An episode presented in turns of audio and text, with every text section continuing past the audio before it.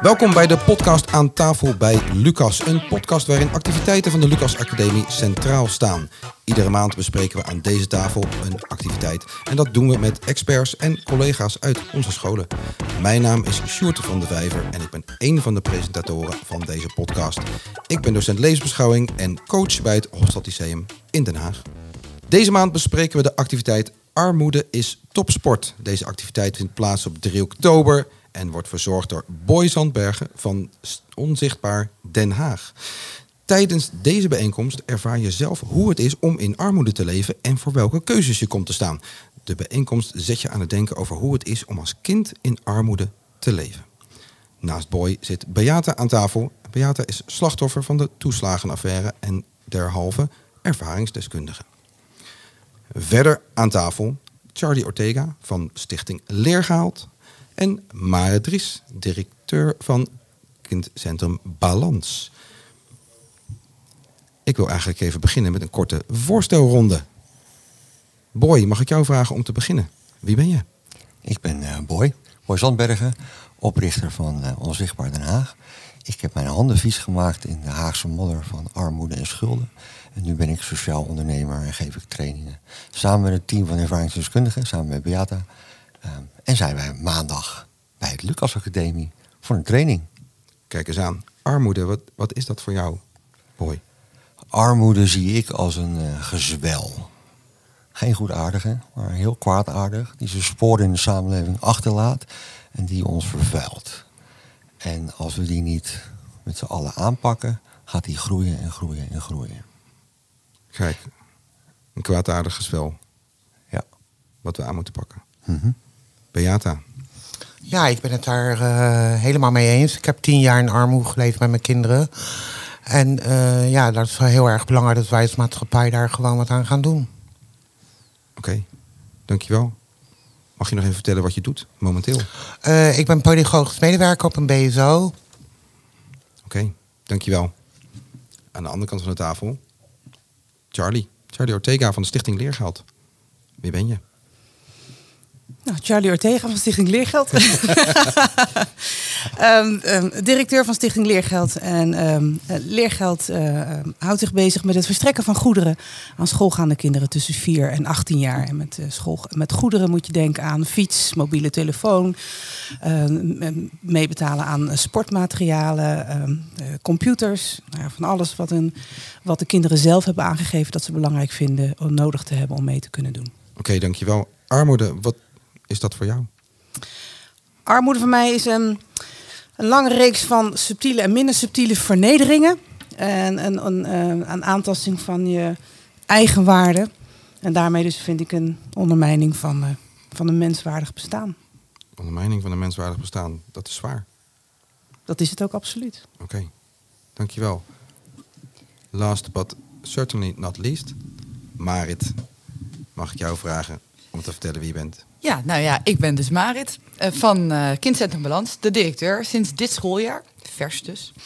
Um, en wat kan ik daar verder nog over zeggen? Dat het een kindcentrum is, dat is een basisschool gecombineerd met een opvang.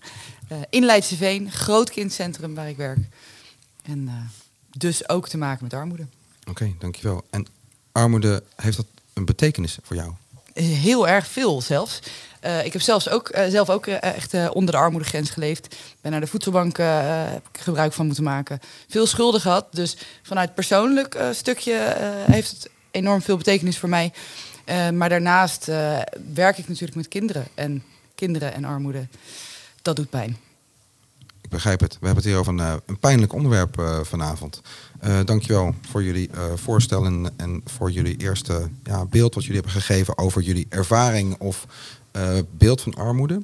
Um, voordat we echt gaan starten, toch even de vraag, en dan kijk ik Charlie aan. hoe groot is het probleem? Um, nou, he helaas groter dan veel mensen denken. Den Haag is echt een segregeerde stad. De een op de vijf gezinnen leeft, uh, uh, heeft geldzorgen. En dat betekent in Den Haag minimaal 20.000 uh, kinderen. En dat zijn er wat mij betreft ook 20.000 te veel. 20.000 kinderen alleen al in Den Haag? Alleen al in Den Haag, ja. En dat is een schatting, ehm, want we kunnen niet iedereen bereiken. Oké. Dat is eh, een flink aantal. Ja. Ja. Eh, waar hebben we het over als we het hebben over armoede in Den Haag? Deze 20.000 kinderen. Wat is het probleem?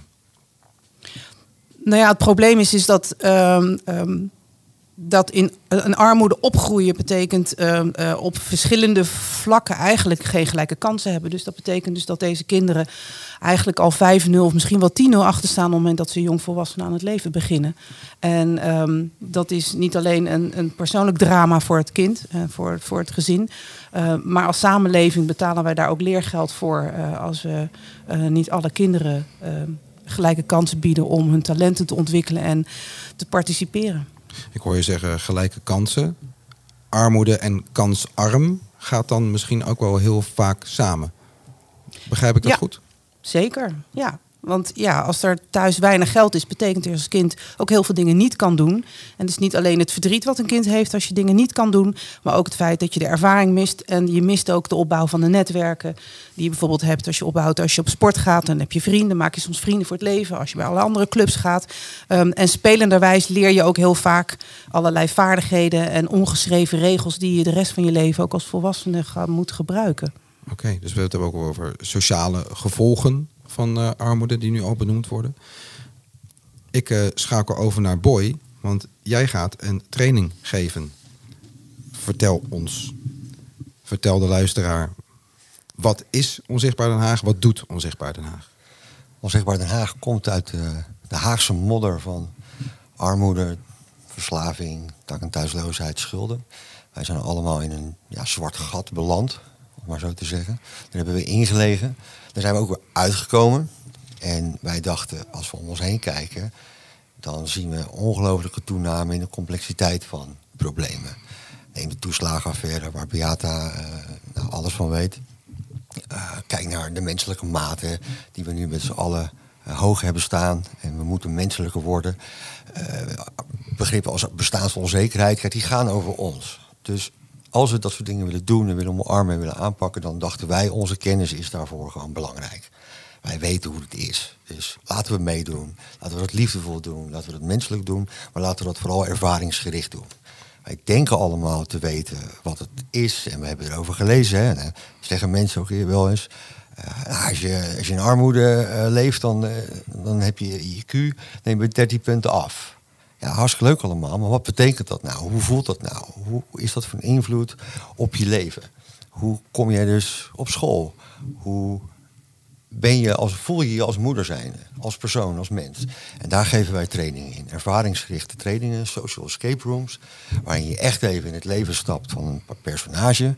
Um, en waar, je, waar wij jou uitdagen om met 50 euro in de week rond te komen met allerlei dilemma's en vraagstukken die we jou voorleggen om jou zo inzicht en bewustwording te geven in hoe het dus is en wat het met je doet. Oké. Okay. Je zegt een escape room. Mm -hmm. Is het een soort van game gericht?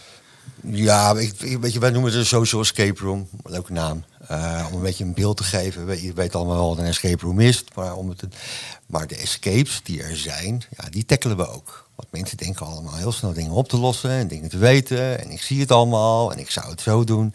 Maar totdat je echt in de schoen staat van. Nou, dan hebben we Beate bij ons, die dan uh, van context voorziet, gaat ze sowieso vertellen, die wij dan vragen. En eigenlijk dagen we uit. Hoe, wat denk je? Wat voor keuze maak je? Uh, hoe kijk je naar de materie? Uh, hoe vind je het? Nou, we hebben ook Charlie we in, de, in, de, in de zaal, wil ik zeggen, die heeft het meegemaakt. Dus dan gaan we zo ook nog even aan Charlie vragen. Maar wij willen vooral mensen wakker schudden.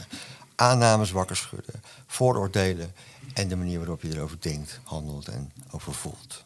Oké, okay, je wil die vooroordelen, je wil de mensen wakker schudden, zeg je. We willen de aannames ja, naar maar wat boven betekent halen. dat nou in jouw klas? Want het betekent gewoon dat jij een aantal kinderen in je klas hebt zitten... die geen eten op hebben, s ochtends vroeg.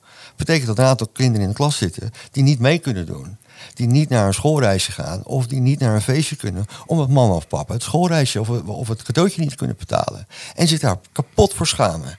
En dus hun eigen waarde verliezen, hun identiteit verliezen. Dat is armoede. En dat, dat doet wat met je als mens zijn. je, je komt daardoor in rouw, want je verliest van alles. Je komt daar in een soort identiteitsverwarring. Eh, je moet je hand ophalen, ophouden. Je moet in een voedselbankrij gaan staan. En dan hebben we opeens van alles verzonnen. Maar je moet wel continu moet je wat van jezelf inleveren. Nou, dat zijn continu stappen en zetten. Dat vraagt nog wel wat van je. En daar gaan wij, denk ik, te makkelijk overheen. En daar willen wij wat in vertragen. En vooral inzicht en bewustwording. Even vertragen, wat is het nou?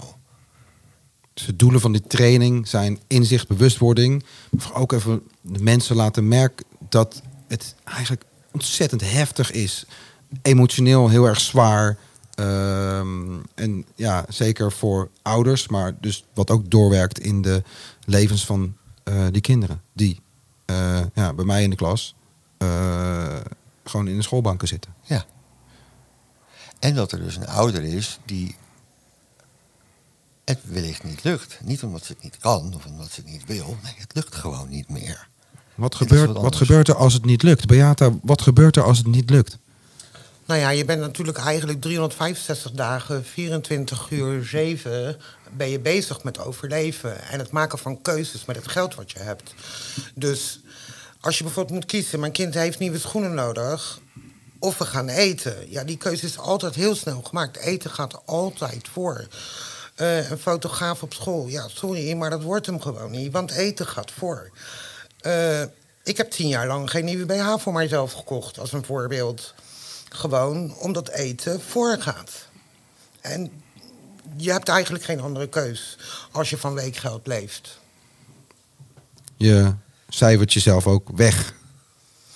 Eh, ja, ik als moeder, mijn kinderen gingen wel altijd voor. Als hun met eh, volle buik in bed lagen, dan maakte het mij eigenlijk niet uit wat ik dan had. Of het nou een appel was of een boterham met pindakaas. Dat maakt niet uit, maar als hun het maar hadden. Ja. En je wordt weggecijferd. Eh, ja, dat doe je toch wel. Onbewust doe je dat toch wel. Want ja, je kinderen die moeten nog zoveel en die worden zo beoordeeld. En die kunnen niet relativeren. En ik als volwassene kan dat wel. Dus ja, ik heb altijd heel hard gevochten om mijn kinderen alles te geven. Ja, ja. Eh, Boy, je zegt net, eh, je wordt weggecijferd. Kan je dat toelichten? Wat je daarmee bedoelt? Nou, heel simpel. Als jij in een voedselbankrij moet gaan staan. Weet ik niet hoor. Eigenlijk langzaamaan ben je geen deel meer van die maatschappij. Want je staat daar buiten. Je kunt niet meedoen met niets. Dus ja, dat zorgt er eigenlijk voor dat je geen deel bent van de wereld waarin je leeft eigenlijk. We hebben het eigenlijk over dat je eh, sociaal ook steeds minder Omgevingen zeg maar, hebt waar je je in kan begeven. Omdat die allemaal te maken hebben met dingen die geld kosten. Eh, zoals je net aangaf, een kind kan niet eens naar een, een kinderfeestje toe, want hij kan geen cadeautje betalen. Eh, en vervolgens komt zo'n kind dus niet meer op kinderfeestjes. Nee, het is En- een isolement waar je eigenlijk met je gezin langzaam in komt. Dat gebeurt niet in het eerste jaar, maar ik heb er tien jaar in gezeten. Uiteindelijk hebben wij de vrienden die we daarvoor hadden, ik heb niemand meer over. Iedereen haakt af. En niet omdat ze niet van je houden, maar je komt in mensen hun portemonnee. Zeg ik dan maar. Zes keer vragen ze je mee voor een leuk terrasje of iets. Maar de zevende keer vragen ze je niet meer. Gewoon omdat je echt die mensen hun, aan mensen hun geld komt. Nou ja, en de eigenwaarde natuurlijk. Want, want Ja. je wilt niet je hand ophouden. Het vind je ook leuk om toch voor iemand anders wat te doen en die mee te nemen. En dat, dat neemt natuurlijk allemaal af. Ja. Ja, op een gegeven moment neem je zelf dat stapje denk ik ook terug. Want je wil niet die bedelaar zijn. Of je wil niet diegene zijn die nooit iets terug kan doen. Dus automatisch op een gegeven moment ga je zelf eigenlijk je ook wel isoleren daarvan. Samen Ja. met mijn kinderen eigenlijk is dat toch wel gewoon echt gebeurd. Nou, dit doen we dus tijdens de training. Onder andere. Ik val, ik val een beetje stil, merk ik. Gewoon Ja, omdat nou, ik het een heel heftig eh, verhaal vind. En dat is dan van één iemand. En we horen net eh 20.000 kinderen alleen al in Den Haag. Ehm, ja, dus Ja, dat is wel een heftige materie waar we met z'n allen mee te maken hebben. En ja, in mijn geval eh, is het iets, vind ik dan, wat me is aangedaan en niet mijn eigen schuld is. Dus dat maakt het dan nog iets heftiger eigenlijk om daar ook mee om te gaan. ja. Nou gaf jij net het voorbeeld eh, tussen schoenen en, eh, en, en eten. Eh, wat voor dilemma's komen er eh, nog meer aan bod, eh, Boy, eh, tijdens die eh, training? Even uit met je vriendinnen. Eh, telefoonrekeningen. Eh, heel veel dilemma's van mensen zelf. Hè, dus dan wordt er onderling een beetje gediscussieerd. Uh, nou, er is niet heel veel discussie. Er is meer mensen krijgen de gelegenheid om allemaal te zeggen. En wij dagen dat uit. Vooroordelen komen ter sprake.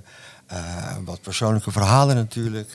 Uh, we hebben filmpjes, we hebben dingetjes. Ja, er komt van alles komt er, komt er voorbij. We gaan ook niet alles verklappen, anders hebben we de hele training. Maar het belangrijkste is, hoe loop je nou naar buiten toe?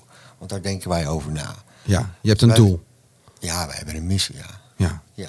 En de missie is vooral inzicht en bewustwording met deze training. Een volgende stap is acceptatie. We willen graag. Hè, dat, mensen vragen snel, wat moeten we dan doen en hoe kunnen we dat dan doen? Wij geloven wel eerst dat daarvoor zit de stap acceptatie. Namelijk accepteren dat, je, dat het probleem er is. Accepteren dat er dus kinderen in de klas zitten die uh, in armoede leven.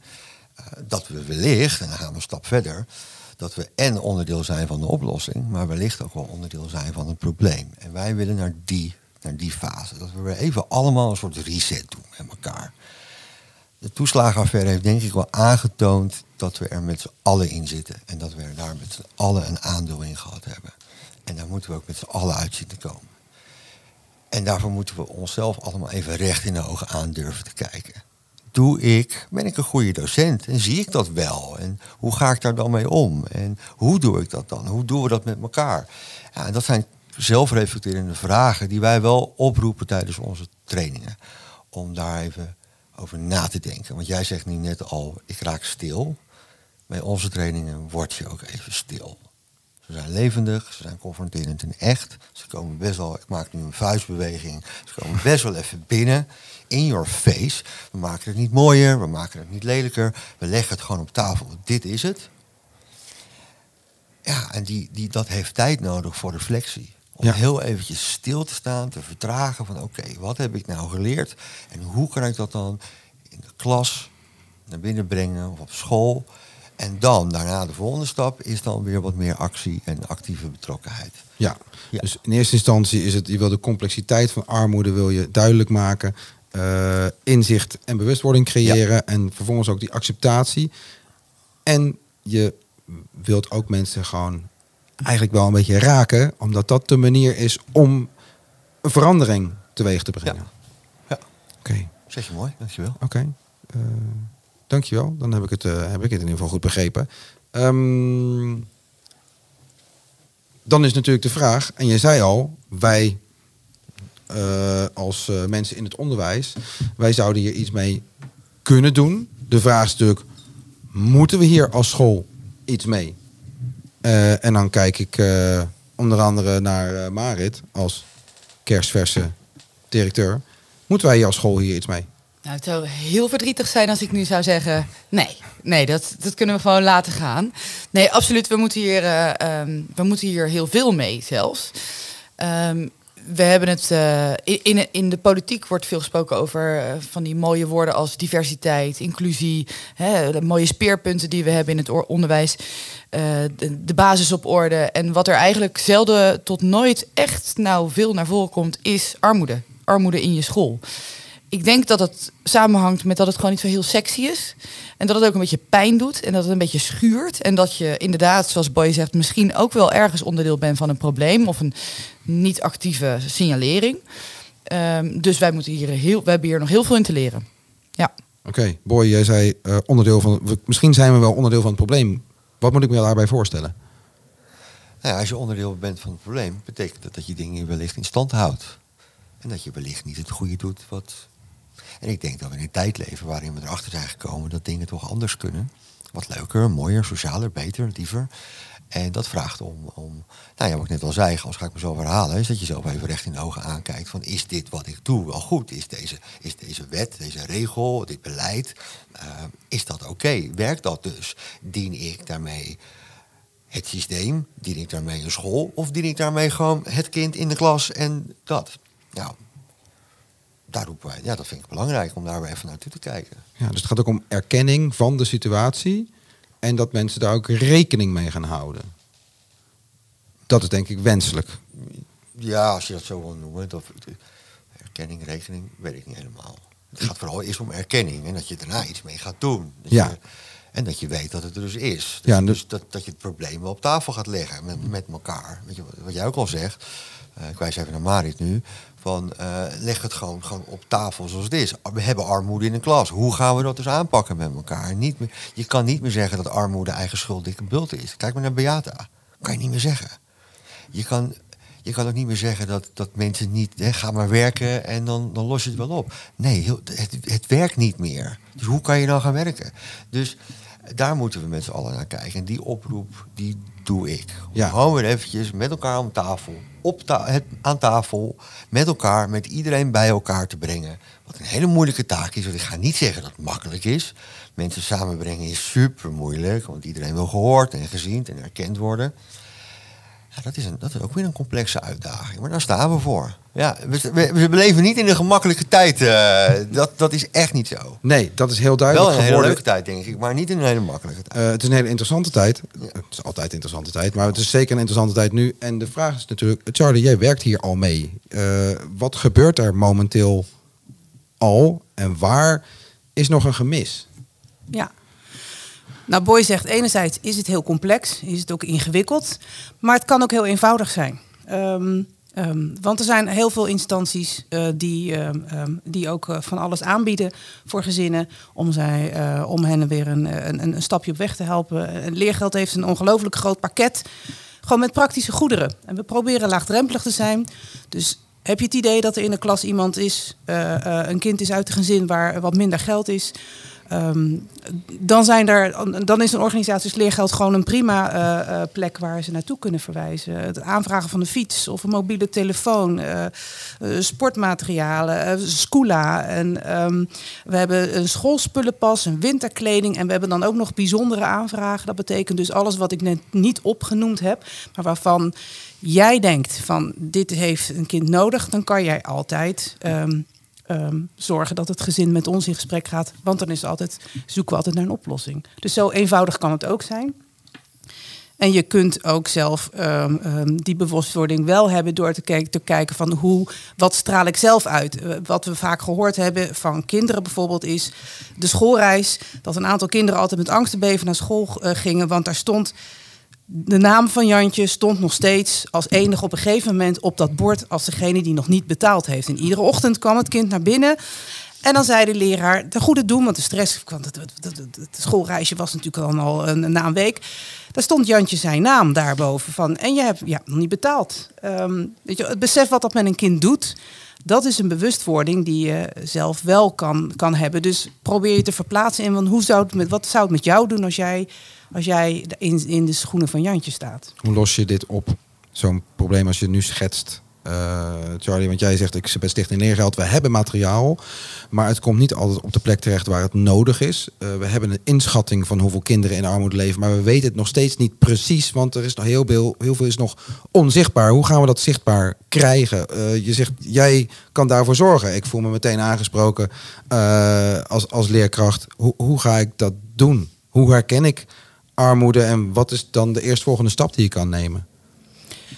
Nou, kijk eens op je eigen school hoe eh, de informatie is. Ik bedoel, wij, eh, eh, sommige scholen hebben bijvoorbeeld alle informatie over leergeld op een website staan. Zet het in de schoolgids. Of zelfs als er nieuwsbrieven naar ouders worden gestuurd, rond de tijd dat de schoolspullenpas uitkomt, vermeld dus voor de ouders in een nieuwsbrief. De schoolspullenpas komt eraan, vergeet niet je aan te melden. Eh, dat zijn natuurlijk vrij anonieme eh, communicatiemiddelen. Dus, eh, dus dat betekent dat een ouder, als een ouder het gevoel heeft dat het voor hem of haar van betekenis is, die kunnen dat lezen zonder dat je daarmee ouder niet open hoeft te zijn. Dus kijk eens naar op school van hoe, hoe, wat voor, op welke manier brengen wij de informatie voor deze gezinnen eh, ehm, naar voren. Dat zou, dat zou al een hele mooie stap zijn. En ik denk, ehm, wees ook niet te schuchter. Weet je, het, natuurlijk is er schaamte eh, aan de kant van de ouders of het kind. Maar dat ontslaat je niet van de verantwoordelijkheid om te proberen het aan te kaarten. Als een kind alleen is onder vier ogen van goh, ik merk dat, schrift of wat dan ook. eh, eh, ehm, probeer het aan te. Je, je kan beter schuchter doen en af en toe een beetje klunzig. eh, dan, dan het maar uit de weg gaan omdat je bang bent dat je op iemands tenen gaat staan. Want ondertussen wordt zo'n kind dan niet gehoord of gezien. Ja, Marit, Ja, vervelende vraag. Staat het bij jullie in de schoolgids? Nee. Jij bent eh, kerstvers. eh, Ik weet wat me te Directeur. doen staat. Ik weet wat me te doen staat. ja, Nee, eh, wij hebben natuurlijk wel, wij hebben bijvoorbeeld een veldpost die meegaat en daar, daar, daar zet je wel dingen in. Maar ik denk dat wij niet actief genoeg een beleid voeren of communicatie hebben over dit stuk. Ja, en daar ligt een eh, belangrijk punt, zoals eh, Charlie net schetst, de informatievoorziening. Zowel eh, naar ouders toe als naar het team van leerkrachten en andere personeel wat op die school werkt toe. Want jij hebt, een, je hebt iemand op je school werken, die heeft een goed oog. Ja, die heeft een ontzettend goed oog. En ik, ik, ik denk, dat is bij ons onze administratie. Ehm, en wat, wat zo mooi is aan de rol van de administratie is dat ze niet voor de klas staan en ze hebben ook geen directiefunctie. Dus ze zijn niet zo spannend. Eh, dat zegt zij althans zelf. Hè. Ik vind haar soms heel spannend. Eh, nee hoor, maar eh, nee, en, wat, wat zo fijn is, is dat zij laagdrempelig zijn. En ook heel erg investeren in contact. Dus niet een aanmaning sturen op het moment dat de overblijfgelden niet worden betaald, maar even bellen. ehm, en een warm woord hebben. En vooral niet te veel druk, maar het bespreekbaar maken. Eh, en zo iemand zou eigenlijk iedereen in zijn school moeten hebben. En ik denk ook dat iedereen zo iemand in zijn school heeft. Eh, maar om daarachter te komen is ook weer heel belangrijk. En om dat bespreekbaar te maken is ook belangrijk. Dus het is signaleren. eh, en niet alleen maar leerkrachten, maar ook al het andere personeel binnen een school. Absoluut. En vooral het persoonlijke contact, wat het mogelijk maakt om in ieder geval mensen, zoals die schaamte die Charlie net benoemde en die Boy ook al uitgebreid benoemd heeft en Beate ook, om daar overheen te komen, omdat dat een grote belemmering is. Eh, zoals ik eerder al zei, gevoelens spelen een ontzettend grote rol in, eh, in de topic van de armoede. Dus ja, jij zegt het gaat over het signaleren, maar het gaat over hoe, hoe doe je dat dan? En ik denk dat contact, het leven zit in contact en ontmoeting met de ander. En dat ben je kwijt op het moment dat je dus in armoede zit. Dat is wat wij, wat wij eh, merken en ook weten. Dus juist wat, wat Mark ook al zegt, er zijn, er zijn bepaalde mensen op school die je nodig hebt, die dat zien, die er zijn, die, die er zijn. En door er te zijn ga je zien. En door te luisteren ga je horen. Dus er zijn en, en daar is denk ik weer heel veel behoefte aan. Aan mensen die dat dus doen. Nou, daar heb je, ja, er zijn echt wel heel veel mensen die daar goed in zijn. Dus daar moet je in investeren, denk ik, als school ook weer. Eh, daar moet je ook voor geld voor, voor vragen, denk ik, vandaag de dag. Eh, dus dat intermenselijke contact, ja, dat is, dat is, dat is echt nodig. Oké, dankjewel Boy. Heb jij een idee hoe mensen er meer kunnen gaan zijn, eh, maar het binnen jouw school? En investeren in de relatie. En, en, en dat, is niet eens, dat hangt niet eens samen met armoede. Eh, investeren in de relatie, investeren in verbinding. Vooral na een periode van corona, waarin we heel erg functioneel met elkaar om zijn gegaan en op afstand met elkaar om zijn gegaan, is het nu tijd om weer te investeren in wat minder functioneel contact, in, in verbinding. En pas als je in verbinding bent, dan kom je daarachter. En als toevoeging op, op Boy zijn eh, scherpe punten, denk ik dat het ook heel belangrijk is om de mensen die aangeven dat ze inderdaad eh, krap bij kas zitten of daar zorgen over hebben, om dat ook als mensen te eh, eh, behandelen. Omdat we ook nog wel eens geneigd kunnen zijn om vanuit enorm medelijden of bijna schuldgevoel voor die mensen te hebben. Maar het zijn gewoon mensen. Eh, dus het is ook fijn als zij worden gezien en behandeld als gewone mensen die in staat zijn om ook een gesprek aan te gaan en om hun problemen op te lossen. Samen met ons. Charlie, ik zie jou knikken. Het zijn Ja. gewone mensen. Ja, nou ja, daarom wil ik eigenlijk ook eh, eh, je aanraden als luisteraar om, om de, de training echt te volgen. Ehm, want ik begrijp ook wel dat eh, als je er zelf niet dagelijks mee te maken krijgt, dat, dat je denkt dat je een idee hebt wat armoede is, totdat je die training meemaakt. Ik zit nou een aantal jaren in dat werkveld. Ik heb die training gedaan.